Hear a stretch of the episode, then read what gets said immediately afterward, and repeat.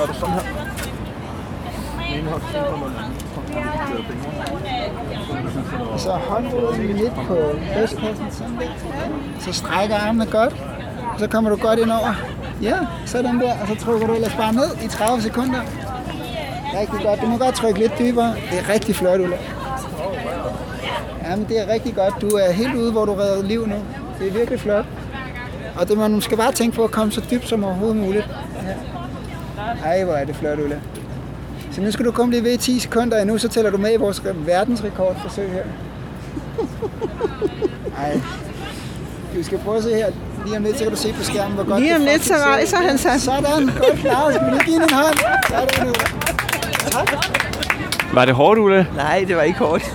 Og hvis du kan redde liv på den her måde, så er det jo simpelthen bare altid os. Ja. Så uanset om det er hårdt eller ej, så skal det bare gøres. Må jeg give dig sådan en klistermærke her? Du har deltaget i dag. Du skaber et kolossalt forventningspres, og dermed også et behandlingspres på sundhedsvæsenet.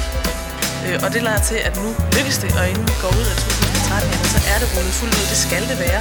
Jeg er jo ikke død. Og, og, og, det er jo, og det er jo lige præcis det argument, som er argumentet imod at have garanti. Goddag og velkommen til Stetoskopet. Det I hørte lige inden jinglen, det var Ulla Sandbæk, der er ordfører for indfødsret, udvikling og kirke fra Alternativet. Hun var i gang med at lære at lave hjerte-lungeredning, og det foregik ind på Rådhuspladsen. Hvis I lyttede med i sidste udsendelse, så øh, ville I have hørt, at det i dag skulle handle om HPV-vacciner. Men øh, det har vi måttet lave lidt om på, da det har vist sig at være en lidt mere indviklet debat, øh, vi har kastet os ud i med, med HPV-vaccinerne. Øh, og det passer ikke så godt lige her oven i eksamensperioden. I stedet for, så har Ida og jeg, der sidder ved mikrofonerne, fundet på noget andet.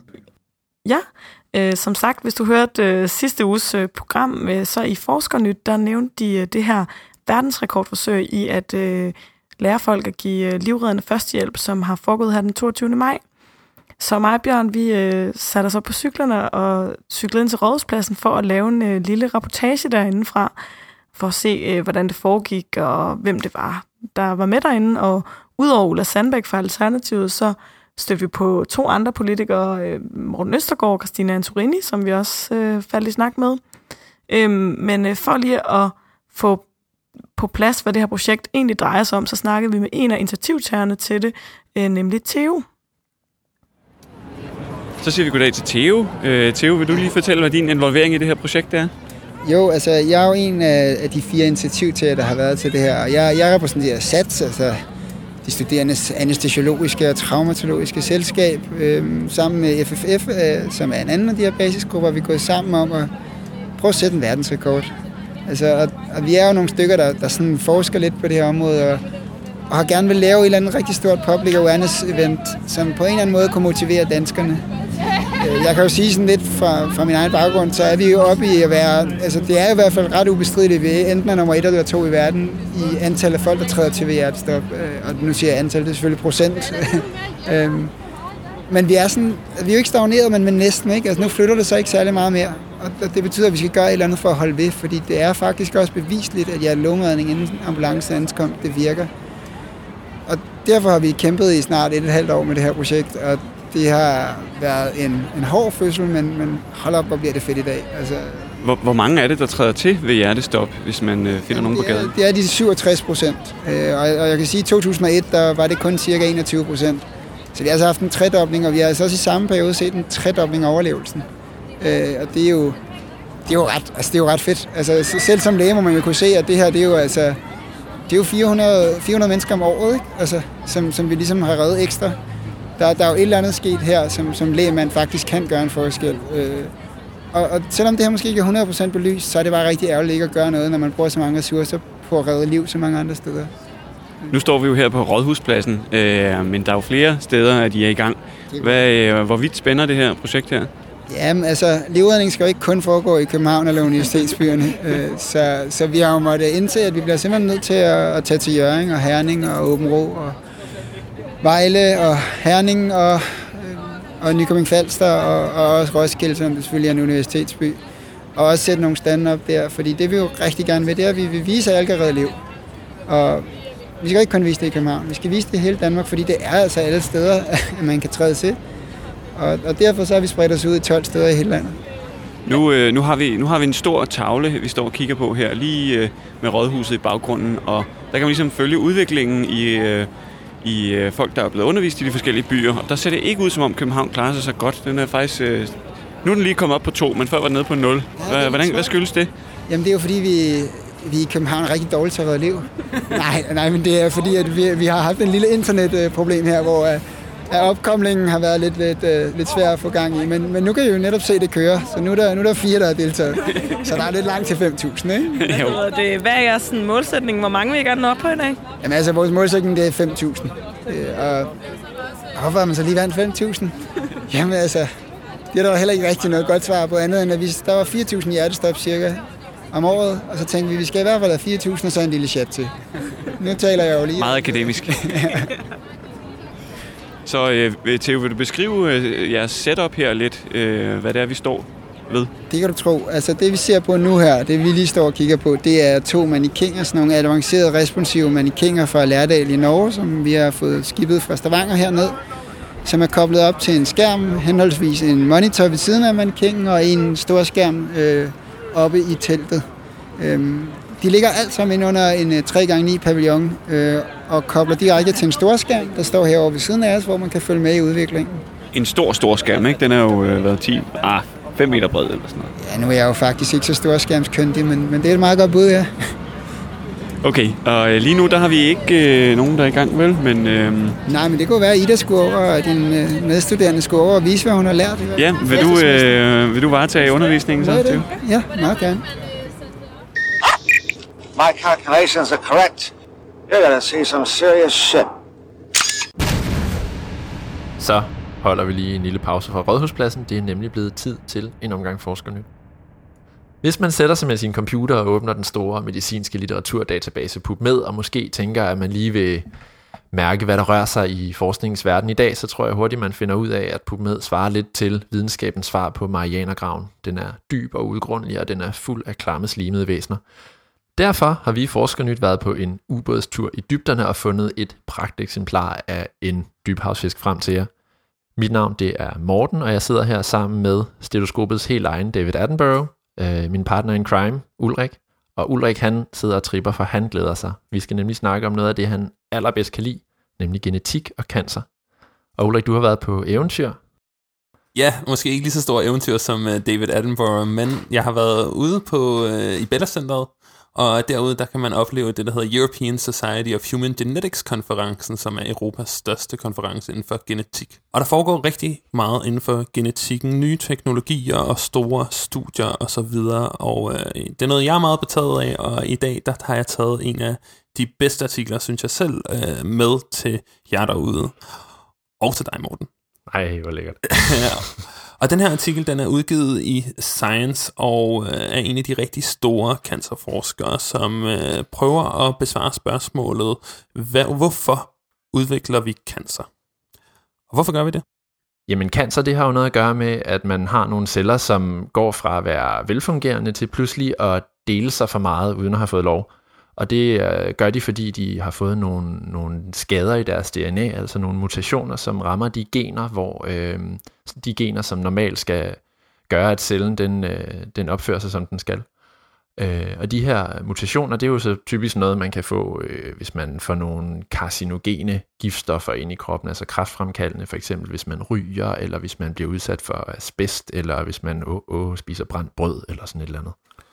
Det er fuldstændig rigtigt. Øh, de miljø, miljøfaktorer, du nævner der til sidst, det er jo nogen, der kan give anledning til mutationer, og det essentielle her, det er, det er driver-mutationer. Det vil sige, det er mutationer, der netop, som du siger, sidder i nogle gener, som på en eller anden måde påvirker væksten eller delingsevnen for den her celle.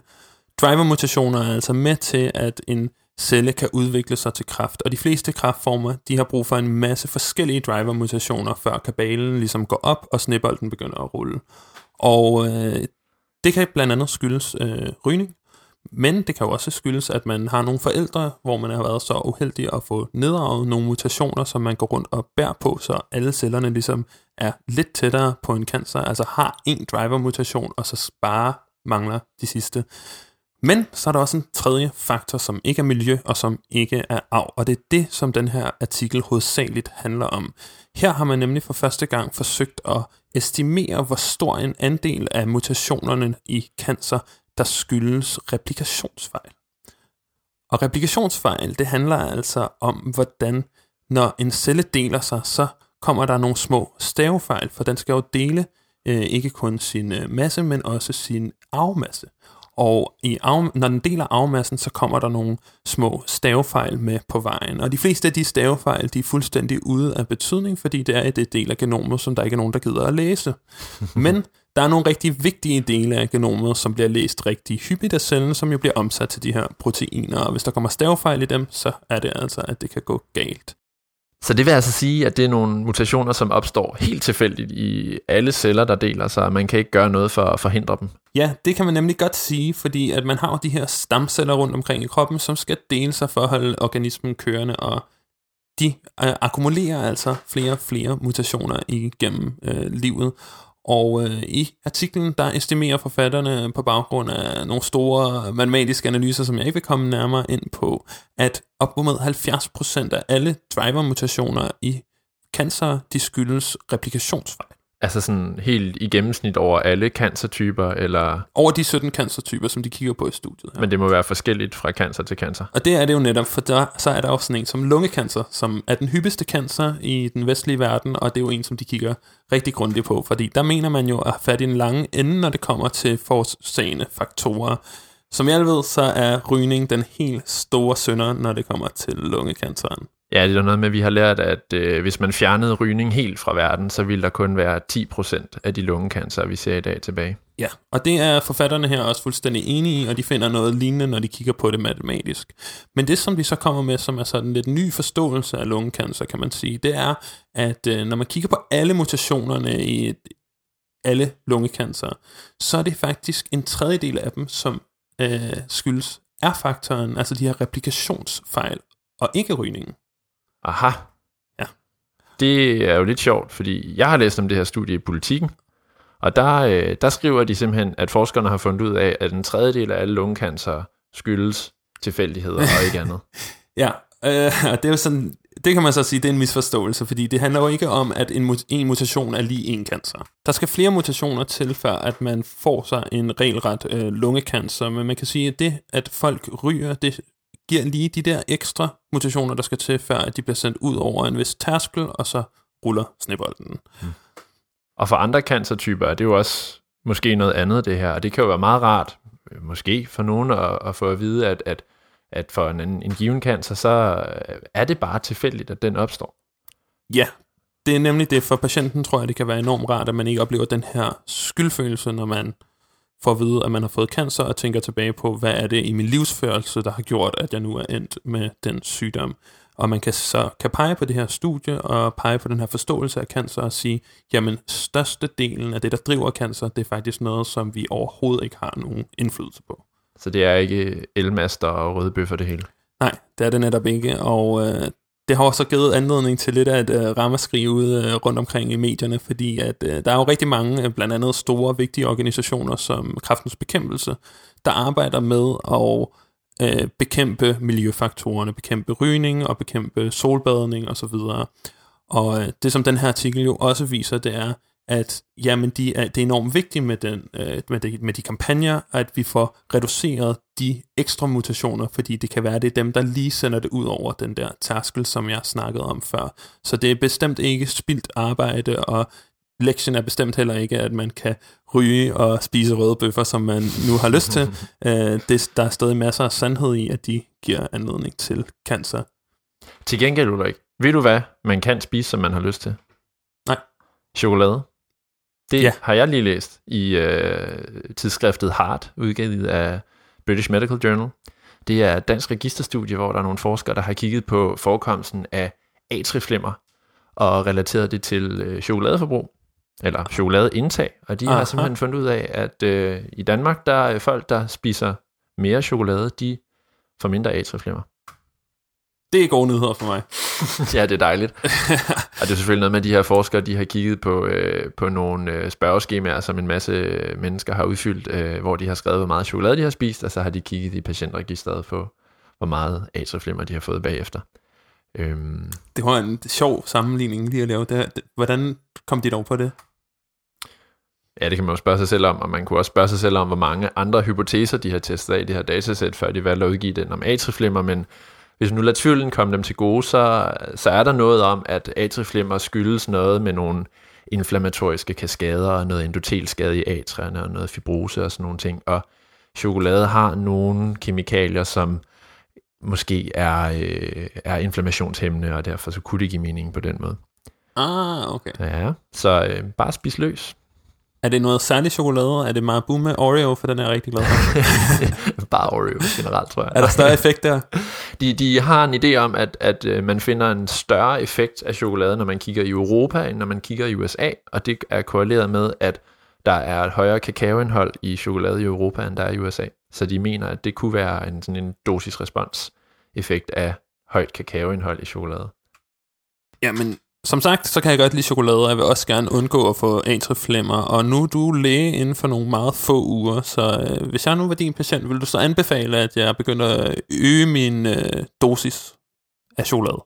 Altså, jeg vil nok anbefale mig selv at øge min egen dosis af chokolade, men det er mest bare, fordi jeg synes, det smager godt. Jeg tror ikke, det er noget, jeg ville sådan tage med ud i min kliniske praksis, fordi det er jo sådan med sådan nogle her studier, både fordi det er et observationelt studie, og fordi det er med øh, selvrapport af chokoladeindtag og sådan nogle ting. Der er noget bias og noget confounding, og så er det jo generelt sådan, det må man jo sige, at selvom det er dejligt, vi har de her registerstudier i Danmark, så sådan noget med ernæring, det er bare en jungle. Ja. Og, og vi har vi har meget, meget lav evidens for alting, sådan selv helt basale ting, som hvor farligt er det at spise sukker og sådan nogle ting. Det, vi ved det jo ikke rigtigt. Nej. Vel? Og det ved, vi ved jo heller ikke helt rigtigt, om chokolade det beskytter mod atrieflimmer. Men øh, det er en god historie. Det er en god historie. Jeg tænker måske, at jeg vil åbne en lille praksis, og så sådan ved siden af have en slikbutik med en Ah, rigtig meget ja. chokolade, Mm. og så ligesom køre det som sådan en dobbelt Mm. øh, erhvervsdrivende. Det vil være hammerende. Ja, det vil det måske ja. nok. Men, øh, men det kan vi tale lidt videre om, når vi slukker for mikrofonerne lige om lidt. Og hiver meget buen frem. Ja, det er det. Men først vil jeg lige sige til lytterne derude, at man kan gå ind og finde de to artikler, som vi har snakket om i dag på vores hjemmeside, stetoskopet.nu-forskernyt. Og så vil jeg anbefale, at man bliver hængende til øh, lige om lidt, for der stiller vi om til Ida og Bjørn igen.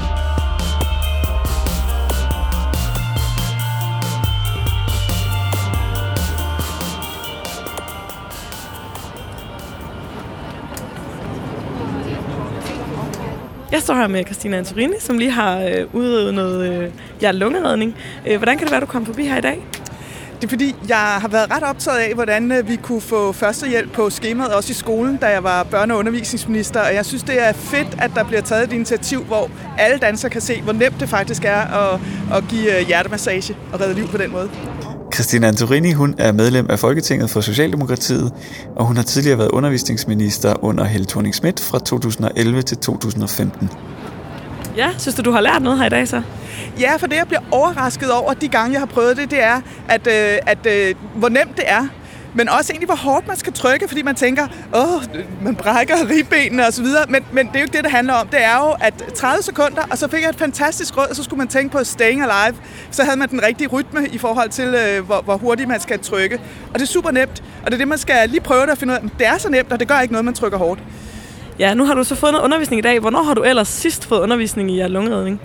Jeg har faktisk fået det i øh, en svømmehal, fordi der er et, et rigtig godt øh, skoleprojekt, hvor man har øh, elever, der går i første, anden, tredje klasse, der skal lære øh, sådan noget mikrolivredning. Og de prøver også at give øh, mund-til-munds-metode så sådan en, en dukke og også noget hjertemassage. Så de siger noget om, at selv helt små børn faktisk også kan lære det. Ja, okay. Øh, så, så du synes simpelthen, det er noget, der skulle være lidt oftere end bare det her ene sådan initiativ i dag? Jeg synes, det er utrolig vigtigt, fordi det er jo veldokumenteret, at det faktisk redder rigtig mange liv. Og, og det, der sker, det er jo, at hvis folk retter om, det kan de gøre hvor som helst. For eksempel her på Rådhuspladsen i København. Og der er der bare brug for, at der er mange helt almindelige mennesker, der ved, hvad de skal gøre, indtil der kommer professionel hjælp. Så jeg synes, det er et fantastisk vigtigt initiativ. Øh, vil du uddybe lidt, hvad, hvad, hvad du som minister, og måske også her bagefter, har, har øh, arbejdet med, med at indføre hjertelungredning i, i folkeskoleregi og sådan noget? Vi har, vi har prøvet at, at, at skrive det ind i de fag, hvor det passer. Og noget af det, der er helt oplagt, det er til øh, de ældste, ældste elever fra 7. klasse, hvor de både kan vælge nogle valgfag, men hvor de også skal arbejde med, med større projekter. Det er, hvis man skal kombinere for eksempel øh, biologi og idræt, så har man både krop, sundhed, hjemkundskab i øvrigt, madkundskab, hvis de vil det, og med det sunde liv, og en del af det, det er også at gøre det, der skal til for at redde liv. Og det gør det bare meget konkret, hvad, hvad, hvad krop kan, og hvad man selv kan gøre for at hjælpe. Så ja, det har vi prøvet at skrive ind i nogle af fagene, dengang jeg var minister. Okay, men det er ikke sådan, I har arbejdet for obligatorisk lungredning til alle folkeskoleelever, eller sådan en mere radikal løsning på den måde? Altså personligt kunne jeg godt være tilhænger af det, fordi det er så veldokumenteret med effekten. Men det er bare, det er bare sådan et lidt... Øh, vi står jo altid der med, at det koster penge. Og faktisk så er der nogle ret gode tilbud, fordi der er en række organisationer, som, som hjælper med træning i, i øh, hjerte-lunge, massage, førstehjælp osv. Så man behøver ikke at tage den store løsning, hvor alle skal have førstehjælp. Der er faktisk nogle ret enkle metoder, og det er det, vi har givet vejledning til. Brug også de enkle metoder til en start. Vil man have hele pakken, så er det jo bare fantastisk. Hvor har du kommet forbi her i dag? Jamen, øh, jeg fik jo en henvendelse, som jeg havde lyst til at, at bidrage til øh, rekordforsøget, og øh, jeg er jo selv, øh, begge mine forældre er læger, så øh, det her med det sundhedsvidenskabelige og sundhedsfaglige, det øh, ligger mit hjerte nær, så, øh, så det synes jeg var øh, et øh, formål, jeg gerne vil støtte, og også øh, se om jeg kan gøre lidt opmærksomhed øh, omkring på Facebook og så videre i løbet af dagen. Morten Østergaard er politisk leder for de radikale venstre. Han har haft flere ministerposter, den længste som minister for forskning, innovation og videregående uddannelser fra 2011 til 2014. Har du nogensinde øh, prøvet, at der er nogen, der sådan er faldet om, når du er gået ude øh, blandt?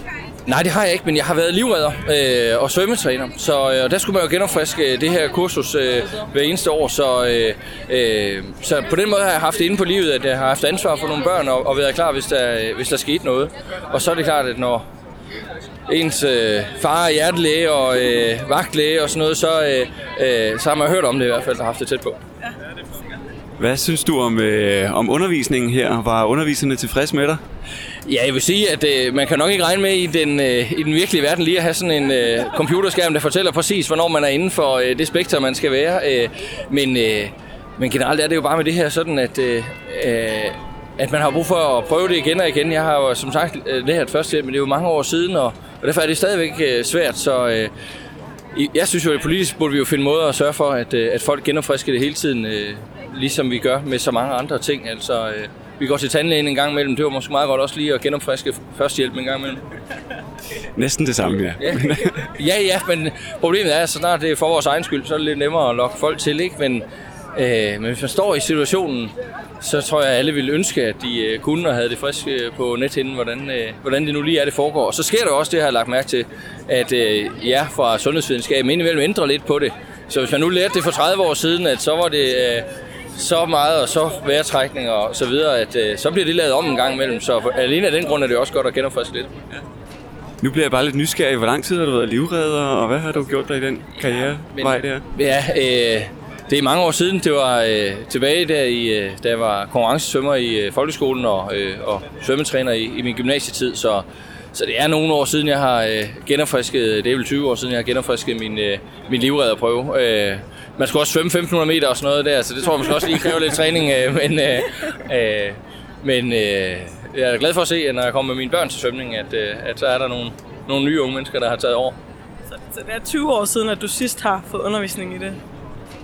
Ja, altså, øh, det mener jeg, det er. Øh, og jeg øh, gjorde det, jeg blev ikke værnepligtig. Øh, men der fik man jo tilbud, hvis man træffede frinummer om, at man kunne øh, få sådan et øh, kursus hos øh, det, der hedder Civilforsvar, altså Beredskabsforbundet. Og det tog jeg. Øh, og så var jeg øh, også på sådan noget vandretur i bjergene en gang, hvor jeg i FDF-regi tog øh, øh, førstehjælp. Så jeg har egentlig fået kurset mange gange. Men ja, det ligger mange år øh, tilbage, og, øh, og jeg synes i virkeligheden, det er noget, man ja, som sagt burde genopfriske. Øh, tit og ofte, fordi øh, at der er jo ikke noget, der betyder mere for folks øh, overlevelseschancer end hurtig hjælp. Og nu har vi heldigvis fået hjertestarter op øh, mange steder, men, øh, øh, og de er jo heldigvis sådan næsten intuitivt til at bruge, har jeg forstået. Heller ikke det har jeg trænet i, men, øh, øh, men det med at kunne øh, den mest basale førstehjælp, det, øh, det burde være noget, som vi alle sammen havde på ryggraden. Var der nogle ting, som øh, overraskede dig? Noget, som du huskede på en anden måde, da du lærte det for 20 år siden så?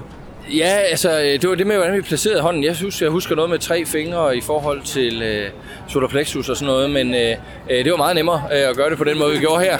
Øh, og så er jeg lidt nervøs for det der, ja, de der dukker, jeg har trænet på i sin tid, kan jeg huske. Det var utrolig nemt at komme til at, øh, at kvæse deres øh, ribbener. Det var heller ikke så heldigt, så jeg var ikke, øh, jeg trykkede ikke hårdt nok i, øh, i starten, men så fik jeg lov til at, at gøre et forsøg mere. Det er jo så det, der er fordelen ved, når man øver, fordi øh, i den virkelige verden, så er der kun et forsøg. Men så må de nok leve med et bøjet ribben, hvis det er det. Så er vi ved at være nået til vejs ende. Det var det for denne gang. Det var et lidt atypisk program, et nyt format, vi prøvede af med sådan en reportage her. Øhm, men øh, vi håber, I kunne lide det. Ja, og vi håber, I også har fået genopfrisket jeres hjerte-lungeredning, eller i hvert fald er blevet mindet om vigtigheden af at holde den her viden ved lige, fordi det gør rent faktisk en øh, forskel. Og til sidst til øh, vores internationale lyttere, som ikke har forstået en flyvende fis af, hvad vi har sagt indtil videre, så har vi her lige en gennemgang af hjertelungeredning på engelsk. Tak for i dag. Okay. So Cynthia is, is about to uh, commence the uh, resuscitation. So, uh, as I said before, you just interlock your fingers like this, and then you take the palm of your hand and place it down in the middle of the chest, and then you push down with here, and just you push down a bit harder and a bit faster, like five to six centimeters, and this number has to go up to 100. Yeah, that's really good. And just a bit slower. Yeah, that's fantastic. And just a bit deeper. Yeah, that's really good. Just keep on going like that. Okay. Yeah. And that's how you save a life, basically. Wonderful. Yeah, and then you just keep on going for like 10 more seconds or 8 more seconds. Yeah, you're really good at this. Could definitely save Well, a life. that's good to know. Yeah. Great. Ja, må vi lige tage et billede, inden øh, du smutter os? Yes. Ej, det var godt. Skal vi Ja. Det, Nå, men det er den forkerte vej. Skal vi kan se noget... øh, Ja, ja, ja. Det er godt. Ja.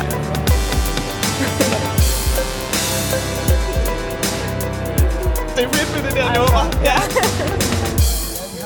Ej, det er super godt. Det er godt, ja. Sådan. Hvad siger du, at I har været? Vi har et anlæg, det kan være, vi kan sætte det på. Ja, det er lidt undervejs. Altså, det giver jo opmærksomhed. Altså, helt af, det gør det jo. Det er jo fedt.